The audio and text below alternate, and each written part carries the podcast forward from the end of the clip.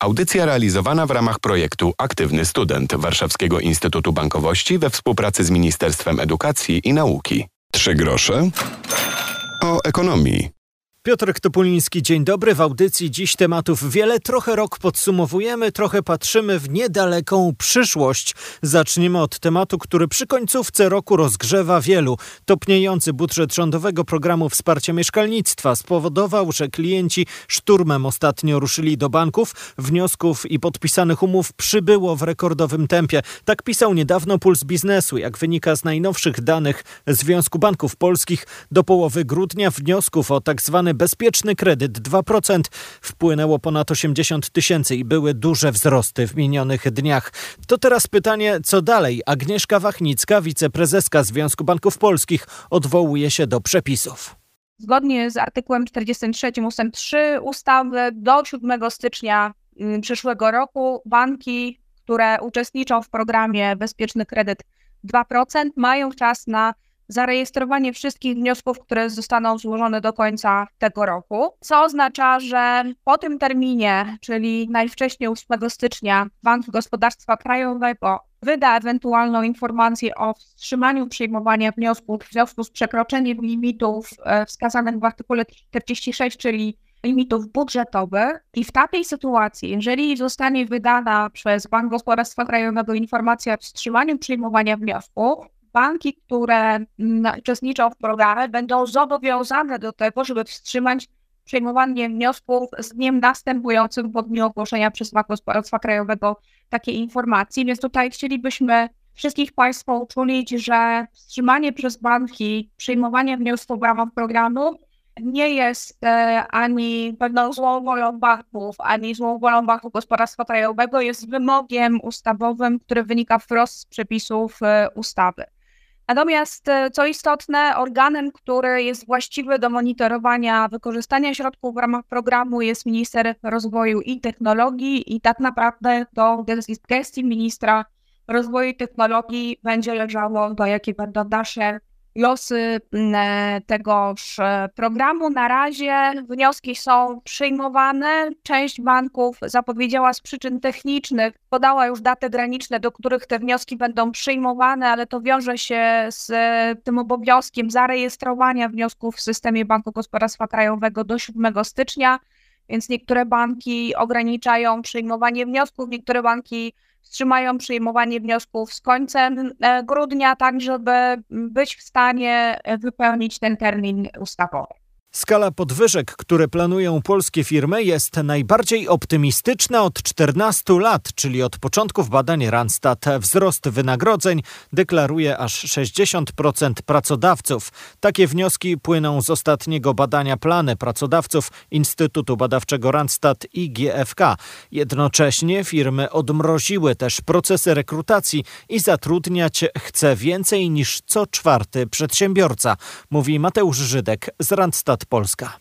To pokazuje m.in. efekt płacy minimalnej, która rośnie z początkiem roku, bo aż 56% firm zatrudnia pracowników w oparciu o płacę minimalną i rośnie z roku na rok ten odsetek firm, które zatrudniają właśnie pracowników, płacąc im czy oferując wynagrodzenie minimalne.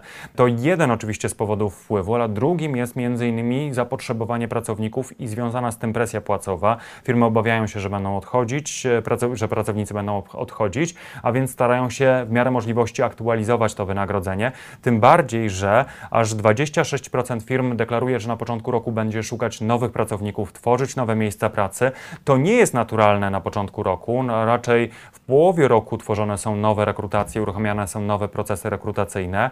Tymczasem na początku roku raczej mówimy o zmianach w wynagrodzeniach, a tymczasem mamy idące w parze zmiany wynagrodzenia, ale także nowe plany rekrutacji e, polskich przedsiębiorców, polskich pracodawców. W efekcie przekłada się to oczywiście na rosnące płace, przynajmniej dla części pracowników. Trzeba jednak zwrócić uwagę, że O ile większość badanych deklaruje, że te podwyżki będą na poziomie 7 do 10%, o tyle, e, kiedy pytamy pracodawców, ile wynoszą podwyżki w momencie, kiedy nie uwzględniają zmiany płacy minimalnej, to znaczy dotyczące innych grup pracowników, to już te poziomy zmian wynagrodzeń są mniejsze, od 4 do 10%, a więc widzimy, że jednak główną siłą napędową podwyżek jest e, wciąż ta rosnąca płaca minimalna. Widzimy też, że pracodawcy wobec tych wzrostów, wobec presji płacowych raczej będą e, przerzucać te rosnące koszty w obszarze e, zatrudnienia na ceny produktów i usług, ale także w efekcie mniejsze podwyżki mogą otrzymywać lub nawet bez podwyżek pozostawać osoby lepiej zarabiające w firmach,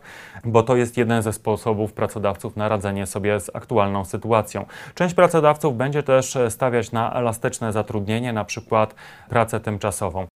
Nadal oszczędzamy, choć koniec tego roku jest nieco mniej dotkliwy niż poprzednie lata. Zauważa to Przemysław Barbrych ze Związku Banków Polskich. Nie zmienia to jednak faktu, że wciąż będzie drogo, albo można powiedzieć bardzo drogo. Z naszych wyliczeń wynika, że prawie 3700 zł czteroosobową rodzinę będą kosztować święta Bożego Narodzenia. Średnio każdy z nas wyda na te święta około 1490 zł. Wydatki na żywność, wydatki na prezenty i wydatki na transport składają się na kwotę 1490 zł, które średnio każda osoba przy okazji organizacji będzie musiała wydać, aby te święta były świętami bogatymi i z prezentami. Niestety jest tak, że najbardziej będziemy chcieli oszczędzać na prezentach, bo aż 43% Polaków deklaruje, że jeśli będziemy na czymś oszczędzać, to będziemy oszczędzać na prezentach. Większość e, wydatków świątecznych pokryjemy z bieżących dochodów, tak deklaruje 86% badanych, ale co warto zauważyć, jedna trzecia spośród wszystkich badanych wskazuje, że sięgnie po oszczędności. Na całe szczęście z kredytu konsumenckiego będzie korzystać zaledwie 1-2% badanych, co oznacza, że odrobiliśmy lekcję ekonomii i wiemy, że tych wydatków konsumpcyjnych nie powinniśmy finansować właśnie z kredytu. Skoro o zakupach mowa, Odpowiedzialność biznesu, w tym e-handlu, jest dla konsumentów coraz ważniejszym czynnikiem przy podejmowaniu decyzji zakupowych.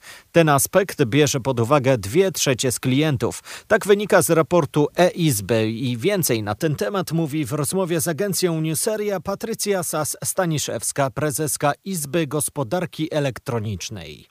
Konsumenci według naszego raportu wskazują również, że z przyjemnością podjęliby pracę w takim biznesie, który właśnie stosuje odpowiedzialne i etyczne zasady działania w biznesu. W rozwoju odpowiedzialnego handlu dla konsumenta jest bardzo ważne, czy sklep jest dostępny, na ile działa sprawnie obsługa klienta, kiedy konsument ma dodatkowe zapytania. Konsumenci wskazali w naszym raporcie, że są w stanie dopłacić do przesyłki, jeżeli po pierwsze pakowane jest ekologicznie, a kolejna rzecz, na którą e, zwrócili uwagę, to chętnie poczekają na paczkę, tak by była skompletowana.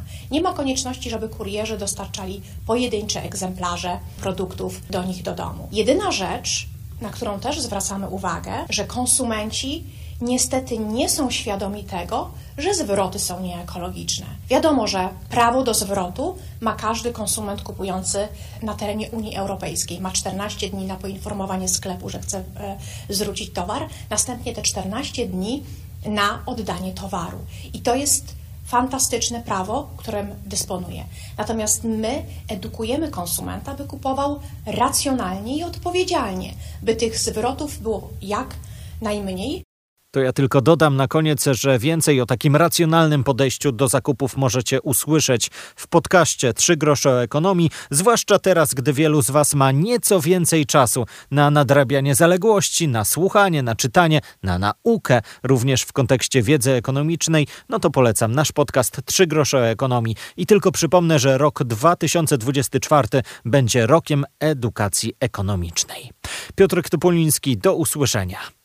Audycja realizowana w ramach projektu Aktywny Student Warszawskiego Instytutu Bankowości we współpracy z Ministerstwem Edukacji i Nauki.